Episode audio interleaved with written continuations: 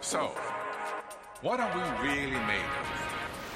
Dig deep inside the atom and you'll find tiny particles held together by invisible forces. Newton es va deixar una llei.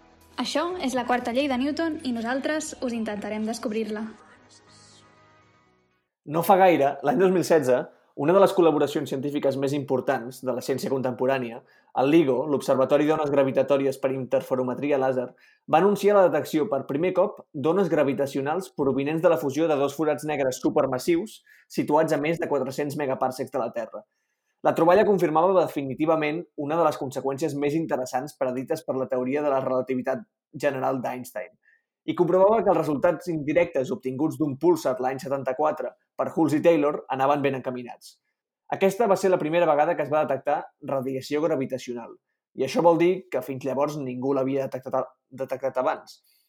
Com en ciència, la vida de tots nosaltres està plena de primeres vegades. I si aconsegueixes que les prediccions teòriques concordin amb els resultats experimentals des del principi, pots estar molt satisfet. La realitat, però, és que no és sempre així, estimats oients. I avui començarem la quarta llei parlant d'això, de les primeres vegades. I després del nostre Journal Club setmanal, més que no pas Journal Club, com que sabem que sou uns devoradors afamats de l'actualitat, aquesta setmana ens endinsarem en el tema de moda des del març passat. Així que agafeu-vos fort perquè ens deixem endur i parlarem del hot topic, el Covid. Com que ja estem tots una mica cansats del Pàmies, un record des d'aquí, Josep, i sabem que sou dels pallussos que penseu que la ciència que es fa fora és més vàlida que la nostra, Començarem parlant d'un científic, o més ben dit, d'un xaman únic que sembla tenir la cura pel Covid. No és ni l'Albert ni l'Albert Bourla ni la munió d'americans que el primer que van fer el 13 de març va ser comprar accions de Pfizer, sinó que es tracta d'un autoproclamat metge de Sri Lanka que reuneix en multituds per oferir-los la cura dels seus mals. Ens en parlarà el Miquel, perquè, bueno, com no podia ser d'altra manera, perquè tothom sap que els de Sant Feliu són els que coneixen millor les herbes que curen. I parlant, Parlant de primeres vegades, aquesta setmana el Pau ens portarà a la biografia de la quarta llei Edward Jenner, el creador de la primera vacuna. Un vicari com no n'hi ha, dels bons, dels d'abans. I tot això per recordar-vos que el que us deia el vostre profe de natus a primària sobre que les vacunes provoquen autisme i que si el millor que podíeu fer era provar l'homeopatia, eren només romansos i que el que haureu de fer ben aviat, estimats amics oients, és vacunar-vos. Pau, Miquel, Gerard, benvinguts a la quarta llei. Ei.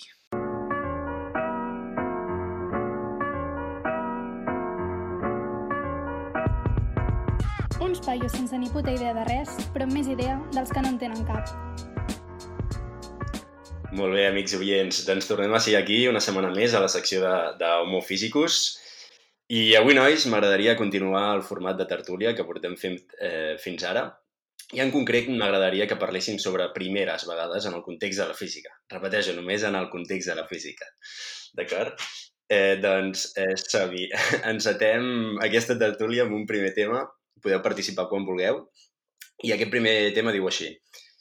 Crec que esteu d'acord amb mi que si us dic que en el, un dels moments més importants a la vida és quan aprenem a, a programar. Perquè considero, i ara fora conyes, considero que programar és una eina fonamental per a la recerca, inclús per al dia a dia, ja que tot el món funciona a base d'això, i més, més tal i com estan les coses. Eh, bé, jo us pregunto, com va ser la vostra primera vegada programant? La recordeu o, o fa, fa moltíssim d'això? Jo la recordo, de fet tinc una anècdota bastant divertida, crec que us la puc explicar i farà gràcia. Eh, la primera vegada que vaig programar va ser un petit script de Python, una petita funció, eh, que havia de calcular eh, un índex de refracció que vaig incloure en el meu treball de recerca de batxillerat.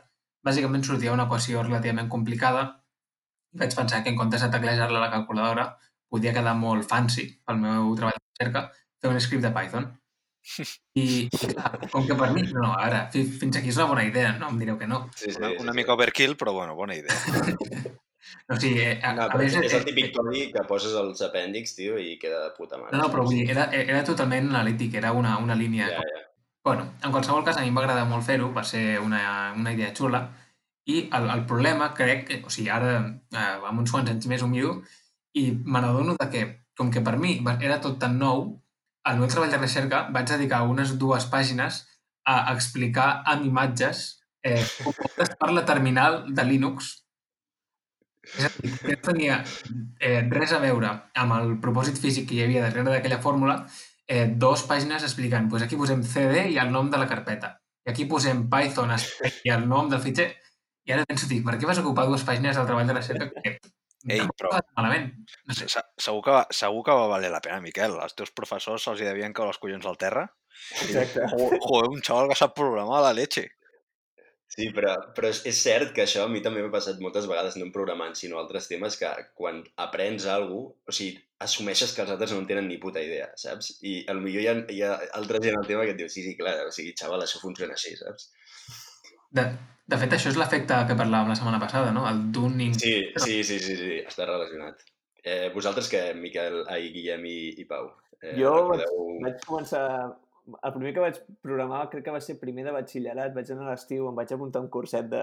és molt graciós. Un curset de Barcelona Activa, on hi havia els típics, no sé, la gent aquesta que s'està, uh, no sé, reinventant o el que sigui. I hi havia tot de gent aprenent a programar amb Java i ja està.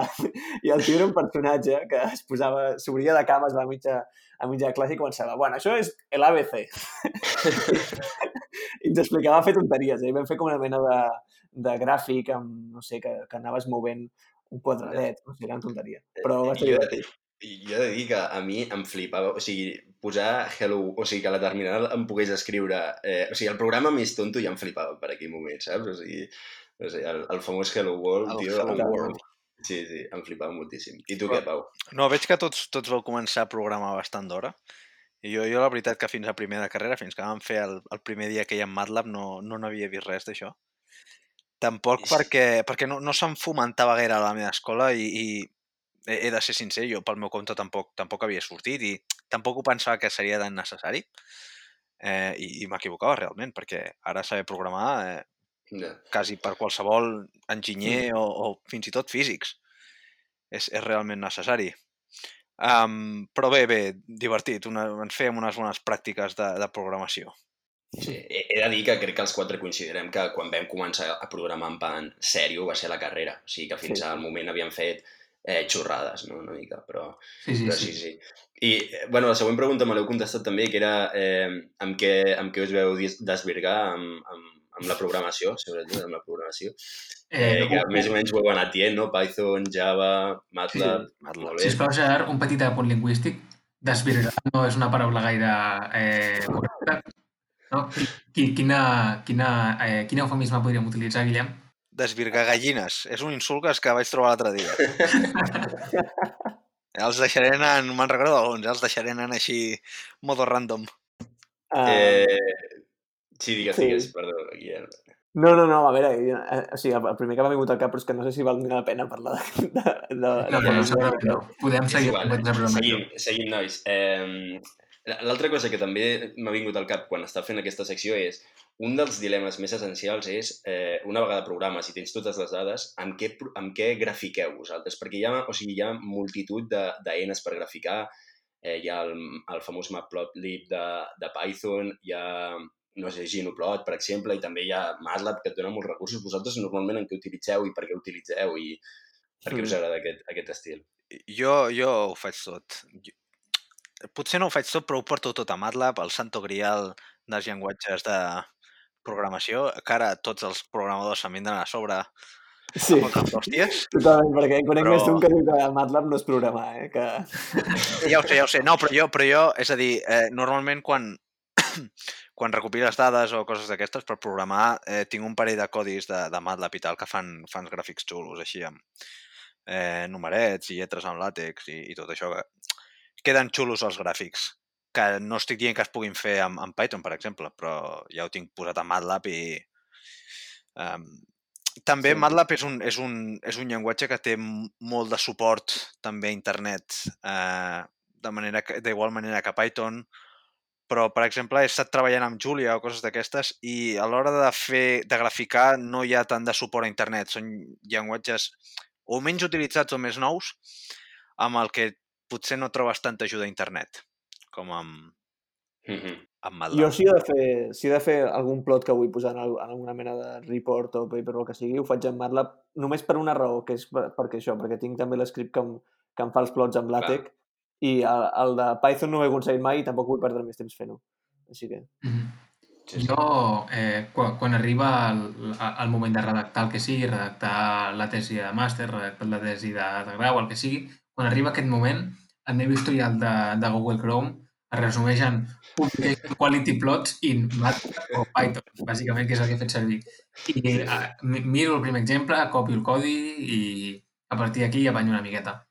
Sí, i, és acollonant com el 2016 hi havia un pavo que tenia el mateix problema que tu i el va preguntar al foro. I és igual Sí, el sí. problema que tinguis que sempre hi haurà una... No, no, no. una- Tu- No, tu- 2016 o totalment. 2012, eh? O 2012, sí, sí. El típic, Totalment. el típic índio. Per, per la meva tesi de màster, ara que dius això, Gerard, per la meva tesi de màster necessitava incloure uns, uns números en, en un gràfic, però eh, inclinats, és a dir, donant-los una rotació. I, evidentment, hi havia una persona que al 2013, per dir alguna cosa, va preguntar això i li van resoldre i gràcies, des d'aquí qui siguis. sí. Ara que, ara que dius això dels anys, et Ara sembla hi que em se'ns recorda escapa. a que hi ha vegades que um, tens un dubte, però només hi ha la resposta per la versió més actualitzada que tu no tens. I és una Ah, sí, aliada sí. perquè Sí, no sí. saps com solucionar-ho. un, un segon, lligant amb això, heu fet alguna pregunta mai en un foro d'aquests? Jo no m'he atrevit, tio. No m'he t'has atrevit. Gerard? No ho has de fer. ho- Jo crec que ho has de... Jo ho he fet un parell de cops o tres i, i ho has de fer. És una experiència que has de tenir la vida. Vull dir, estaràs al teu lecho de muerte i diràs ostres, no vaig penjar una pregunta a MathWorks o, o, o, al, o al, a l'Stock Overflow. Hòstia, i què, què vas fer pel foro de MATLAB, no? Un tio de Barcelona es va posar en contacte amb un, amb un professor de, de Eh, Utah de, Perdona, perdona. El, el, el, Jan, el Jan MVP, des d'aquí des d'aquí una gran abraçada, si ens escolta, que ho dubto. Però també l'Stack Overflow eh, serveix molt bé i té... té... Però, sí, sí, digues, digues que sí, sí, funciona molt bé, però jo el problema, el, la por que li veig és que, joder, quan triguen en respondre, tio? O sigui, són, Eh, són ràpids en són, aquest... són bastant ràpids. Normalment eh, triguen... Si el teu problema és molt fotut o jo què sé, a mi em responien en mitja hora. 20 Hòstia. minuts, mitja hora. Hòstia. Joder, tio, està molt bé. I normalment Déu-n'hi-do. funcionava el, el, que, el que em deien. Bueno, nois, canviem de tema. Eh, un, al- un dels tòpics també molt, molt important és, eh, durant la carrera, és aprendre el, el, la tech. I la primera pregunta que us faig és de quantes maneres diferents heu escoltat pronunciar eh, la tech? Perquè jo a dia d'avui, o sigui, avui m'he estat llegint a veure com collons es pronuncia, perquè es veu que al principi del manual fan com una aclaració, però no acaba d'estar després en, en, unes, en unes entrevistes a, a, el tio que va, fotre, que va fer això de la, la tech diu que és al revés, però bueno, és una mica... Vosaltres com, com ho dieu, això? Això és investigació, Làtex, Gerard. Això és investigació, eh? No? Sí, tio. Mirar els vídeos per veure com es pronuncia la merda aquesta. Jo, jo crec que qualsevol eh, opció que digueu generarà eh, detractors a la FME, així que aneu amb... Sí. De- Després també he descobert que hi ha gent que, li, que, que diu eh, LaTeX. En principi, és que en principi es diu Leitech. LaTeX, sí, perquè ve d'una lletra grega, d'una lletra grega, que no sé què, no sé quantos, Sí. però clar, Jo crec recordar que es deia així, en algun lloc ho vaig llegir i em va sonar molt raro. Al final li diem làtex i ja està, tu. No, els meus sí, no. companys aquí, jo on estic estudiant ara, els meus companys tots diuen LaTeX. Sí, LaTeX. LaTeX, hòstia. Sí, sí, segur. Com que són anglesos deuen tenir, no tenir raó. Ja, no sé. Gerard, jo pensava que aprofitaries la broma per dir que quina era la primera vegada que havien fet servir el làtex, però ja veig que, que. O era Eh, boníssima. Sí, sí, sí, sí. Eh, Vale, perdó, sí, tens raó. Eh, Tens raó, tens raó, era bona. Eh, bueno, seguim, seguim també amb aquest tema que vam tenir l'altre l'altre dia pel grup de WhatsApp, vam tenir una discussió sobre si utilitzar Beamer, que és com la versió de, de les presentacions de LaTeX, eh, en comptes de PowerPoint i fins a quin punt eh, sacrifiques el temps que li fots, perquè clar, al final això no és programació, però hòstia, eh, no és tan fàcil com moure les fotografies, no? I fins... Sou puristes? O sigui, utili intenteu utilitzar sempre Beamer o, o LaTeX en aquest cas, o, o sou de... Hòstia, per una presentació ràpid, foto el PowerPoint i ja està. Bueno, a veure, jo, jo dic el que vaig dir. A mi Power, PowerPoint em sembla molt cutre. Ja, Ah. ho és, ho és, ho és. Quin... Home, jo sí, però és que el Miquel, és que això ve perquè el Miquel ens va passar una foto d'una diapositiva que va fer en Beamer, una diapositiva amb moltes fotografies. Jo aquella diapositiva Sí. l'he fet en Photoshop, ai, en, en Photoshop o en Clar, clar, PowerPoint. és clar, una matada fer clar, clar. Sí, sí, Sí, ho És és. perdre's el temps, és és no valorar-lo. Sí, és cert, és cert. I, i hòstia, la manera com queda en Beamer i tot, no, no fotem, o sigui, és espectacular. És millor, però és, Som- és més feina. Sí, és més feina. És, és com aquells que diuen que una vegada proves eh, Apple i tal, no te'n vols tornar no sé què, o saps Ah, aquestes coses, cop això proves, és igual. un cop proves la droga i ara no pots tornar enrere. Ja, ja no No pots tornar, no pots tornar. La droga és mala, chico. Sí, sí. Jo he fet llistes de la compra amb, amb làtex, tio. I estàs a la... No, no, Ostres, uau, això us, us agradarà. Jo, ma mare, ma mare és profe de, de secundària i, clar, feia uns exàmens amb Word que li vaig dir, mama, això és Sí, clar, clar. Això, que això em fa vergonya veure mama, hòstia. com No... Exacte. I li vaig fer dos exàmens de història de l'art de segon de batxillerat en làtex i que van quedar molt macos, però era un overkill perquè vaig dedicar-me potser una hora a fer-li uns exàmens que ella tenia fets en 10 minuts. Però la gràcia, la gràcia d'això, la gràcia de l'àtex, és que et facis tu eh, uns templates que després tornis a fer servir. Sí, sí, Eh, clar. perquè, clar, al final, si et mates a fer dues hores una, un, un, la presentació d'un document i no el fas servir per res més, això això és inútil, no serveix per res. Però si Sí. tens un template per fer, jo què sé, entregables que has de fer per la uni o el que sigui, i el pots anar reutilitzant, això és molt útil. Perquè tens un mateix document que es veu bé en cada, eh, en cada entregable que Sí. fas. Sí, sí, que és el que tinc jo. Jo tinc ja al llarg de, de, tot el gra, de tot el grau em vaig anar construint templates i, i vaig fent. I una altra cosa també curiosa de, de l'ATEC és que una vegada eh, aprens l'idioma i tal, o sigui, reconeixes els documents d'altres docu- documents, eh? Ja poden utilitzar la mateixa font, tal, no sé què, que tu dius, tu mires un document i dius, va, això és l'ATEC o, no, o això no és l'ATEC, saps? Fins i tot, una, una cosa que em passa a mi... Perdona, Miquel. No, no, digues, digues. Una cosa que em passa a mi és quan llegeixo documents amb làtex, eh, trobo els errors de la gent que fa. Per exemple, si posen el sinus en, en, en la, això matemàtic entre els símbols de dòlars i surt en cursiva, dic, aquí no han posat el comando del sinus. I, i se huele, i se huele. Petits detalls, eh? eh, Són Petits detalls detalls, que- però, però que es noten, tio. Ets un purista, Pau. Doncs- a, a, això és de purista total. Jo, jo només És el toc, afegir... és el toc, tio. Totalment. Jo, jo només volia afegir que Sí, digues. eh, amb el que estaves dient tu, Gerard, eh, jo sempre que començo un nou document a l'ATEC, el primer que faig és eh, això, new document, li poso el, el nom i després vaig a l'últim document que vaig fer, copio Sí. els packages, tot el, tot el que va abans del begin document Sí, Sí, sí. sí. i a partir d'aquí Sí. sí. milles.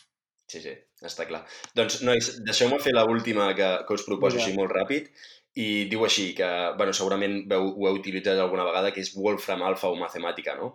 Eh, com va ser la primera vegada que veu haver de resoldre una integral de merda que no, teníeu ni temps ni paciència per, per haver-te de, de resoldre aquesta integral i la veu fotre al Wolfram Alpha i, i és una meravella, no? Estareu, estareu d'acord amb mi. sí, sí. Sí. Sí, però a mi matemàtica no m'agrada. No sé per què, eh? però no m'agrada. No Wolfram. Alpha té, té tot el que necessites i més. Vull dir, Sí, poses, in, integra'm això des d'aquí fins allà. Això sí, quan surt allò de temps esgotat has de pagar, dius, me cago en tu estampa, cabron. Aquí, aquí pica. Que, de fet, el tio que ho va fotre, el Wolfram, eh, fa poc va sortir que tenia una teoria de l'univers, de tot, en plan que ho resolia tot amb, amb algoritmes i no sé què, o sigui, és un, un tio bastant, bastant volat. I ja per acabar, eh, dir només que, no sé si us en recordeu, que quan els exàmens, com que, bueno, com que els, en, els, en els exàmens no podem utilitzar el matemàtica ai, ni el Wolfram Alpha, eh, us en recordeu aquells exàmens on ens deixaven els llibres d'integrals sobre la taula i si tenies algun dubte sobre com fer aquesta integral t'aixecaves i anaves a buscar a veure com collons es feia aquesta integral. Però, però això clarament eh, era una arma de, de, de doble... Com es diu? De doble fil. Sí, sí, sí. Perquè si el profe veia que t'aixecaves a buscar-ho, el profe sabia que estaves perdudíssim, vull dir. I, Sí, sí, sí. que sabia, Total. De tota la vida existeix el igual 3 punts, igual solució directa. I ja està. sí, sí, sí. La integral que la resolgui ell. Brutal. Molt bé, molt bé. Doncs um, crec que és moment de passar cap a una altra secció i començar a parlar de primeres vegades, però primeres vegades uh, amb el Covid, no, Miquel? Uh, així és. què ens portes avui? El corazón que a Triana va nunca volverá. Perquè el matarà el 5G. Benvinguts a Miguel Bosson, la secció més pseudodivertida de la quarta llei. Doncs sí, eh, tal i com el Guillem ha introduït abans, eh, avui ens remuntem a fa una setmana, almenys una setmana des que estem gravant això, eh, concretament el 8 de desembre. Eh, viatgem fins a un país que cap dels quatre hem trepitjat mai, juraria, que és Sri Lanka. Llavors, abans de començar, una petita juguesca. Eh, algú endevina el seu gentilici? Hòstia. Blanquencs. Sri Lankarià. Ha- Has dit, Guillem, Sri Lankenc? Pau, Sí. Sri Lankarià? Eh, Gerard, vols apostar? Jo jo anava a dir aquesta, la, la, la Sri Lanka Lank. Doncs, eh, em sap greu, però evidentment heu fallat tots, si no, no ho preguntaria. Es veu que el gentilici fa referència a una manera antiga d'anomenar aquest país, segons m'ha semblat veure, i la Viquipèdia diu que és singalès. Hòstia. Llavors, eh, sí, si dic singalès em refereixo a una persona de Sri Lanka. Eh, llavors, sí, eh, tal com havíem introduït abans, avui parlarem d'una persona que s'està erigint com el senyor Josep Pàmies singalès. Concretament, aquesta persona s'anomena eh, Damika Bandara i eh, potser fa una setmana va veure alguna notícia relacionada amb ell.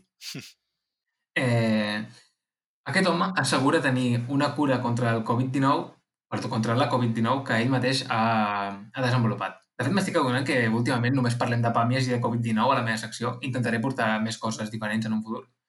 Però bueno, Però és que, bueno, és una mina d'or, tio, això. sí, sí, sí, Bueno, per filar. eh, és un no parar. És, és obrir internet i, i plorar. Sí, sí. La gallina dels ous d'or. En fi, eh, concretament avui parlarem de que aquest xaman eh, explica que ha dissenyat un xarop que té un efecte doble sobre la, mal sobre la malaltia. Eh, és a dir, aquest xarop, si eh, estàs infectat i has desenvolupat símptomes de Covid-19, et cura. I en el cas de que no els hagis desenvolupat, no tinguis el virus en el teu cos, t'immunitza. Ojo, ojo, perquè jo crec que aquell dia que va anunciar això, les accions de Pfizer van caure un 15%. Jo crec. Vale? O sigui, telita. Eh, però bueno, eh, ara seriosament, aquest personatge del que, del, que, del que parlaré jo contrasta totalment amb el que ens parlarà el Pau. Vull dir, el, aquesta persona de la que ens parlarà el Pau està plorant a la seva tomba eh, amb aquest home que va aconseguir crear una cura i una immunització a la vegada. Perquè després et surti aquest pau i et digui, toma, era més fàcil, tio. Sí, sí. Tio, de- un tio amb nom de respondre a les teves preguntes al MathWorks. Estic bastant d'acord amb tu, amb el, amb el comentari de MathWorks. Eh, en qualsevol cas, eh, eh, aquest bon senyor eh, del que després ens parlarà el Pau ha sigut clarament superat per aquest practicant de la medicina Hela, que ha aconseguit encapsular dues coses inexistents fins ara, que és curar i generar immunitat, en un xarop fet a base d'ingredients de cuina comuns.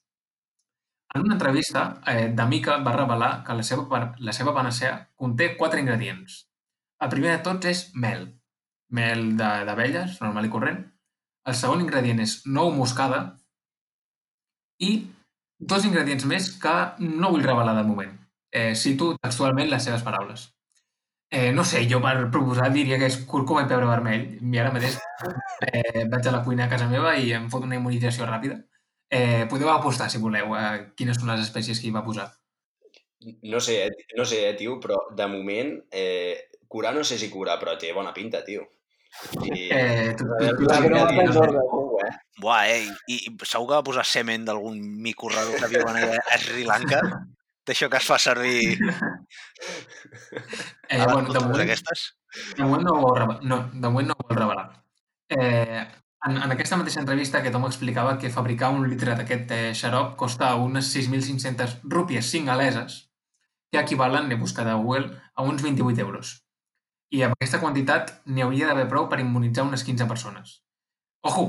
I això no s'ha de transportar en nitrogen líquid ni res. Eh, Pfizer, eh. O sigui, Aquí mato.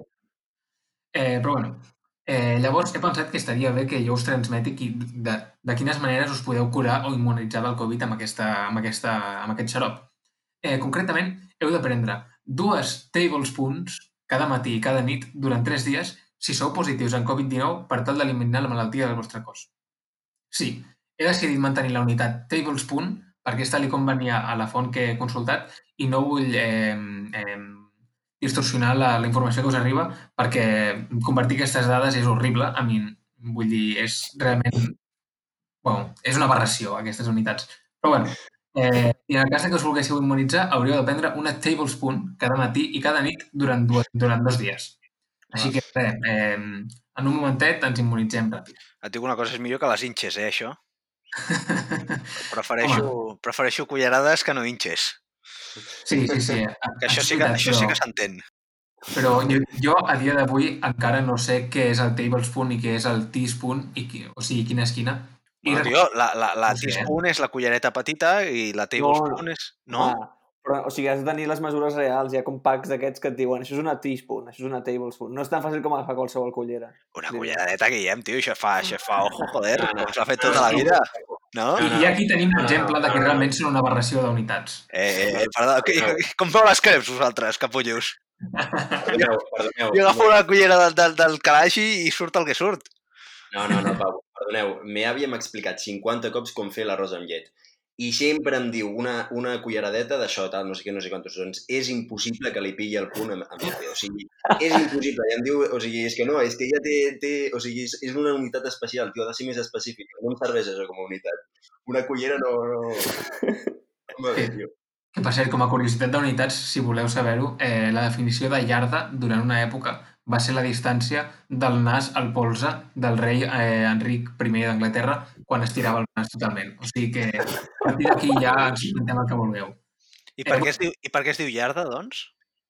No ho sé, la veritat. Bueno, és Llard. que la, les meves fonts, i, o sigui, la, la, Les meves fonts, com si tinguessis fonts molt específiques, cabron. Ah, Exacte, exacte. Això no va dir. La, la, això no va dir. Les meves fonts són d'una veracitat totalment eh, nul·la, així que no feu cas de res del que portin aquesta secció. Però jugava, jugava al golf el tio aquest o no, el rei aquest? Existia el golf a l'any 1700 i pico. Segur que sí. Per la gent de sí més... que- pa- Pels que arribaven a 70 anys era l'esport predilecte, suposo. Eh, en fi, va, segueixo, que si no, no se m'acaba. Eh, bueno, en fi, fi- fins aquí tampoc hi ha res especial. Vull dir, un home que diu que barreja mel i altres espècies i té la cura del Covid, vull dir, tampoc ens hauria de sorprendre. Mm, però eh, el problema va bé perquè el ministre de Sanitat singalès va sortir en directe per televisió prenent aquesta barreja. I això a mi em deixa perplex. O sigui, el mateix ministre de Sanitat promovent l'ús de medicina no testejada en directe per la televisió, o sigui, tela. Mm, Sí que és cert que mirant una mica més he descobert que Sri Lanka té un altre ministeri dedicat únicament a medicina indígena. Això, o, o, o, això he entès. I re- realment intueixo que ha de ser una cosa amb molta presència al país. Eh, però bueno, cal afegir dues consideracions sobre aquest fet de que el ministre sortís a la, a la televisió.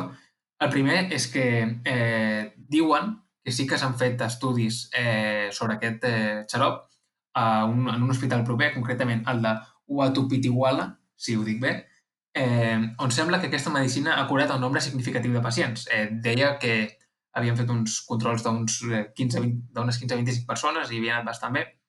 Bueno, I eh, la, la segona aportació que jo volia fer, que aquesta em sembla molt més interessant, és que el ministre, quan se'l va acusar de- d'estar de, compartint eh, remeis que no són reals, va dir, escolta, estic compartint una cosa que no deixa de ser menjar, és a dir, tampoc estic mentint de res. És a dir, jo estic aquí que, que mengem això i ja està, no estic, o sigui, eh, això no és una cosa que tingui efectes negatius a la, a la salut de la gent. Contrastant amb altres medicines de les que, perdó, altres no medicines que vam parlar en la meva secció en altres episodis, que sí que tenen efectes negatius per la salut o per, o per eh, produir brots resistents a, a medicaments, etc etc. O sigui que a Sri Lanka 1, PAMI a 0, no? Sí, sí, sí, exacte. A- Aquesta és una mica la, la, el missatge que volia transmetre avui. Eh, que, bueno, el que volia dir és que guarda una mica de respecte cap a aquesta eh, iniciativa. No gaire, eh, però una mica sí. Eh, però si, el- si el Pàmies, si el Pàmies es traslladés a Sri- Lanka, el tio ho patava, també. Sí, sí, això segur. Sigui, O es carregava també es, cam, es camuflaria com a mico. Què dius? Què dius, Gerard? O, o, o triomfava o es carregava tota la població, una de dos. Bueno, ha de trobar el balanç, perquè si no, d'on treu els diners? Exacte, exacte. A veure, també t'he Bueno. de dir que som, som molt haters amb la medicina tradicional, però vull dir, també hi ha, o sigui, hi ha coses que segur que són certes i que Sí, vull dir que sí, sí. se'n pot aprendre molt, eh? que no siguem tan haters, potser. Aquí, aquí hem de ser haters, sí. Guillem, hòstia. Clar, Per què hem fet un podcast si no és per fer, per ser haters, hòstia? I que, que es fot un, una llimona, tio, abans de, per esmorzar, i saps allò, el típic, això, nen, et farà, saps el típic que diuen les àvies? Això, nen, et farà més fort, creixeràs fins al metro 90, nen. Eh, en qualsevol cas, tenim la sort de que nosaltres no, no hem de justificar cap de les nostres afirmacions perquè mai reclamem tenir la raó. Eh, un últim comentari només. Eh, el, el ministre de Sanitat va generar una altra pro- problemàtica, que és que aquest home, el senyor Tamika Bandara, va dir que regalaria 5.000 unitats d'aquest xarop i això va generar una afluència de desenes de milers de persones al petit poble d'on és aquest, d'on és aquest eh, xaman i eh, això va generar eh, una quantitat de, de crowding, de persones juntes, que no és gens compatible amb parar la transmissió comunitària de la Covid-19. Però bueno, almenys aquesta gent ho va fer per eh, quelcom més rellevant que nosaltres, que ens patem les distàncies de seguretat per anar al Mediamarkt. Està bé. bueno, Pau, porta'ns porta algú que, que porti alguna cosa interessant. Som-hi! El quadern de Pitàgores, perquè tots els genis tenen les seves coses. Bueno. ui, ui, ui, joder. Ollete. Benvinguts sigueu tots de nou, genis i gènies, a la secció on, de la mateixa manera que un quadern de bitàcula, explicarem tot tipus d'anècdotes que han passat a científics i científiques.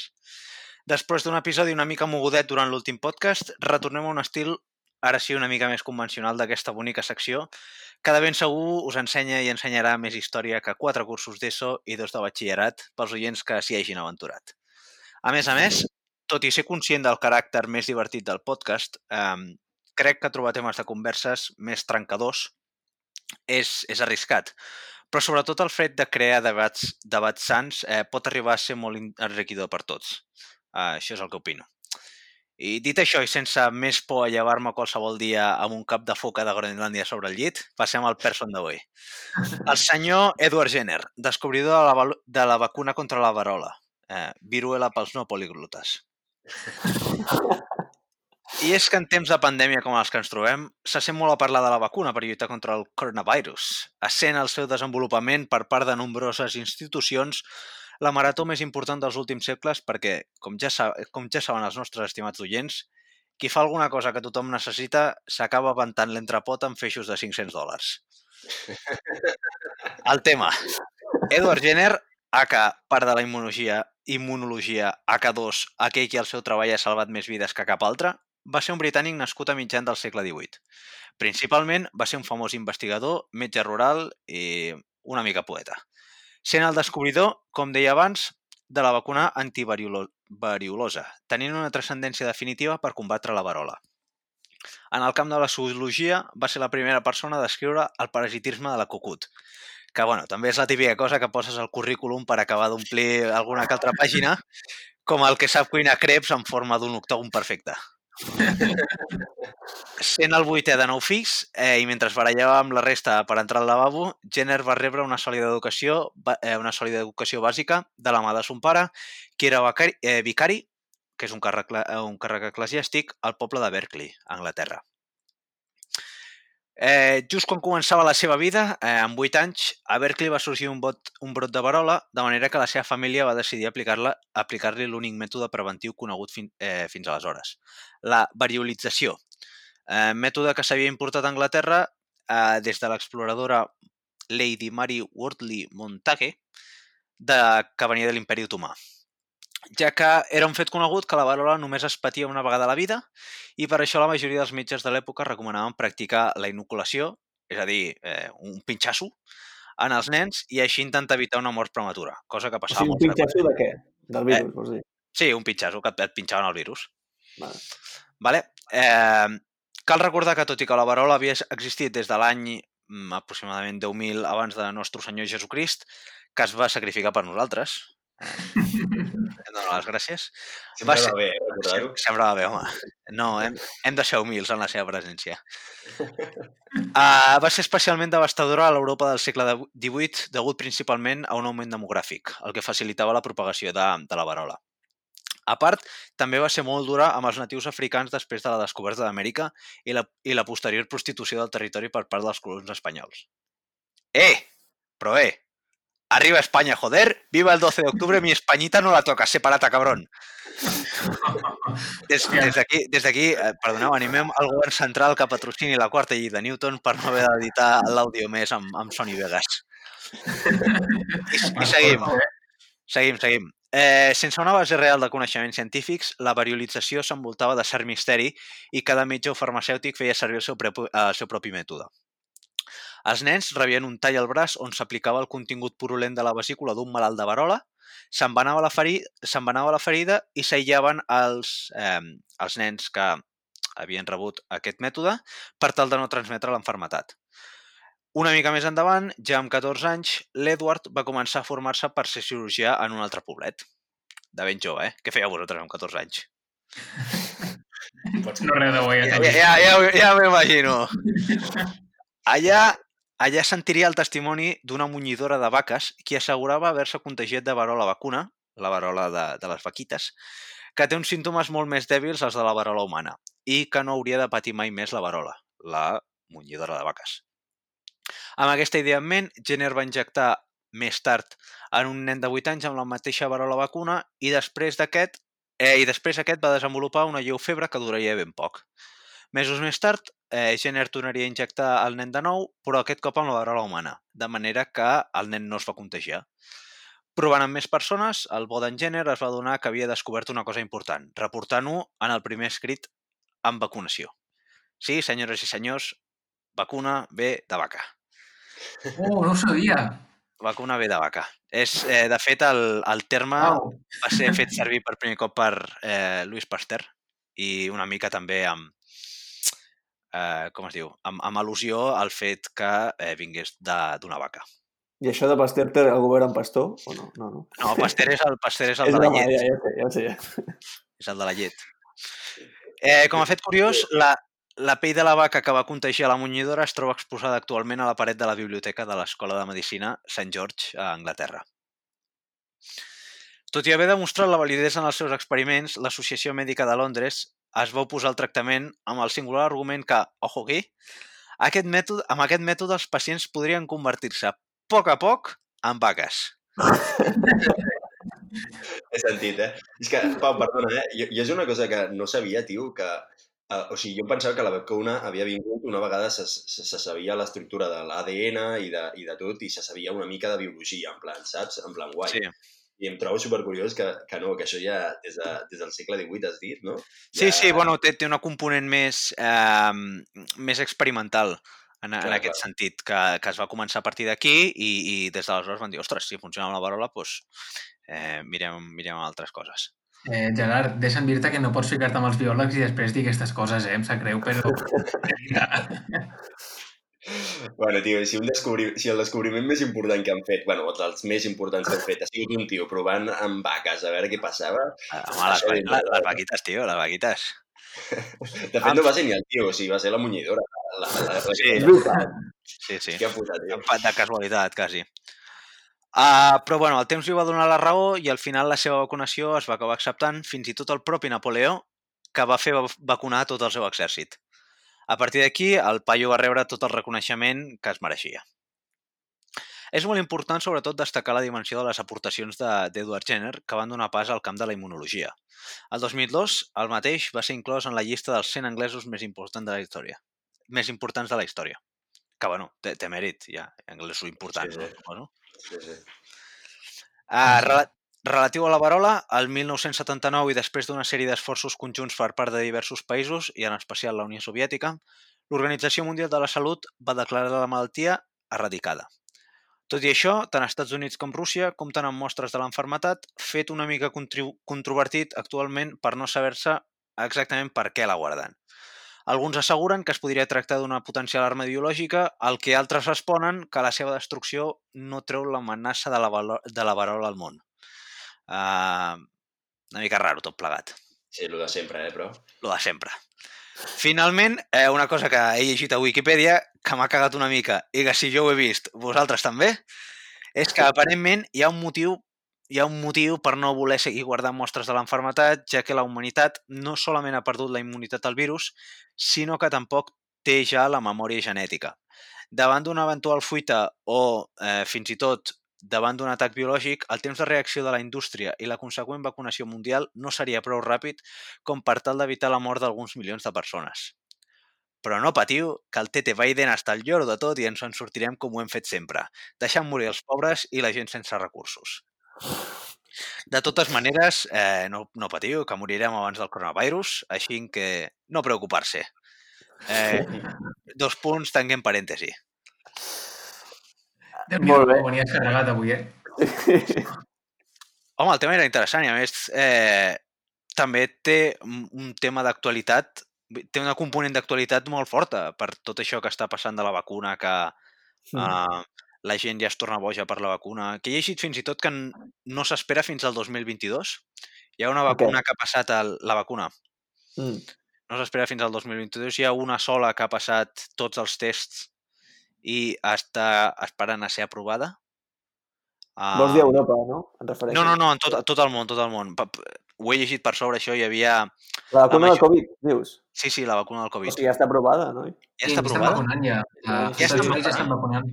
Hi, hi ha països que sí, però bueno, Sí, és sí. també molt... És que també, bueno, tot és, al, fi, al final han hagut d'accelerar fases Ho han hagut d'accelerar, i- vale. Igual la, la, la, la notícia que he llegit era, era de, fer, algun- de fa alguns dies. Als Estats Units i, i a Anglaterra ja, ja l'estan posant. Crec que altres països també. I el dia 17, a- almenys als Estats Units, és quan volen aprovar també la de Moderna. Però, però jo crec que el, el, el fet d'aprovar-la o no és més un problema filosòfic en plan de bioètica més que algú en plan uh, científic. Perquè, clar, o sigui, al final les, les, les samples que tens, o sigui, les mostres, són unes quantes, tio, i al final has de decidir què fots amb això.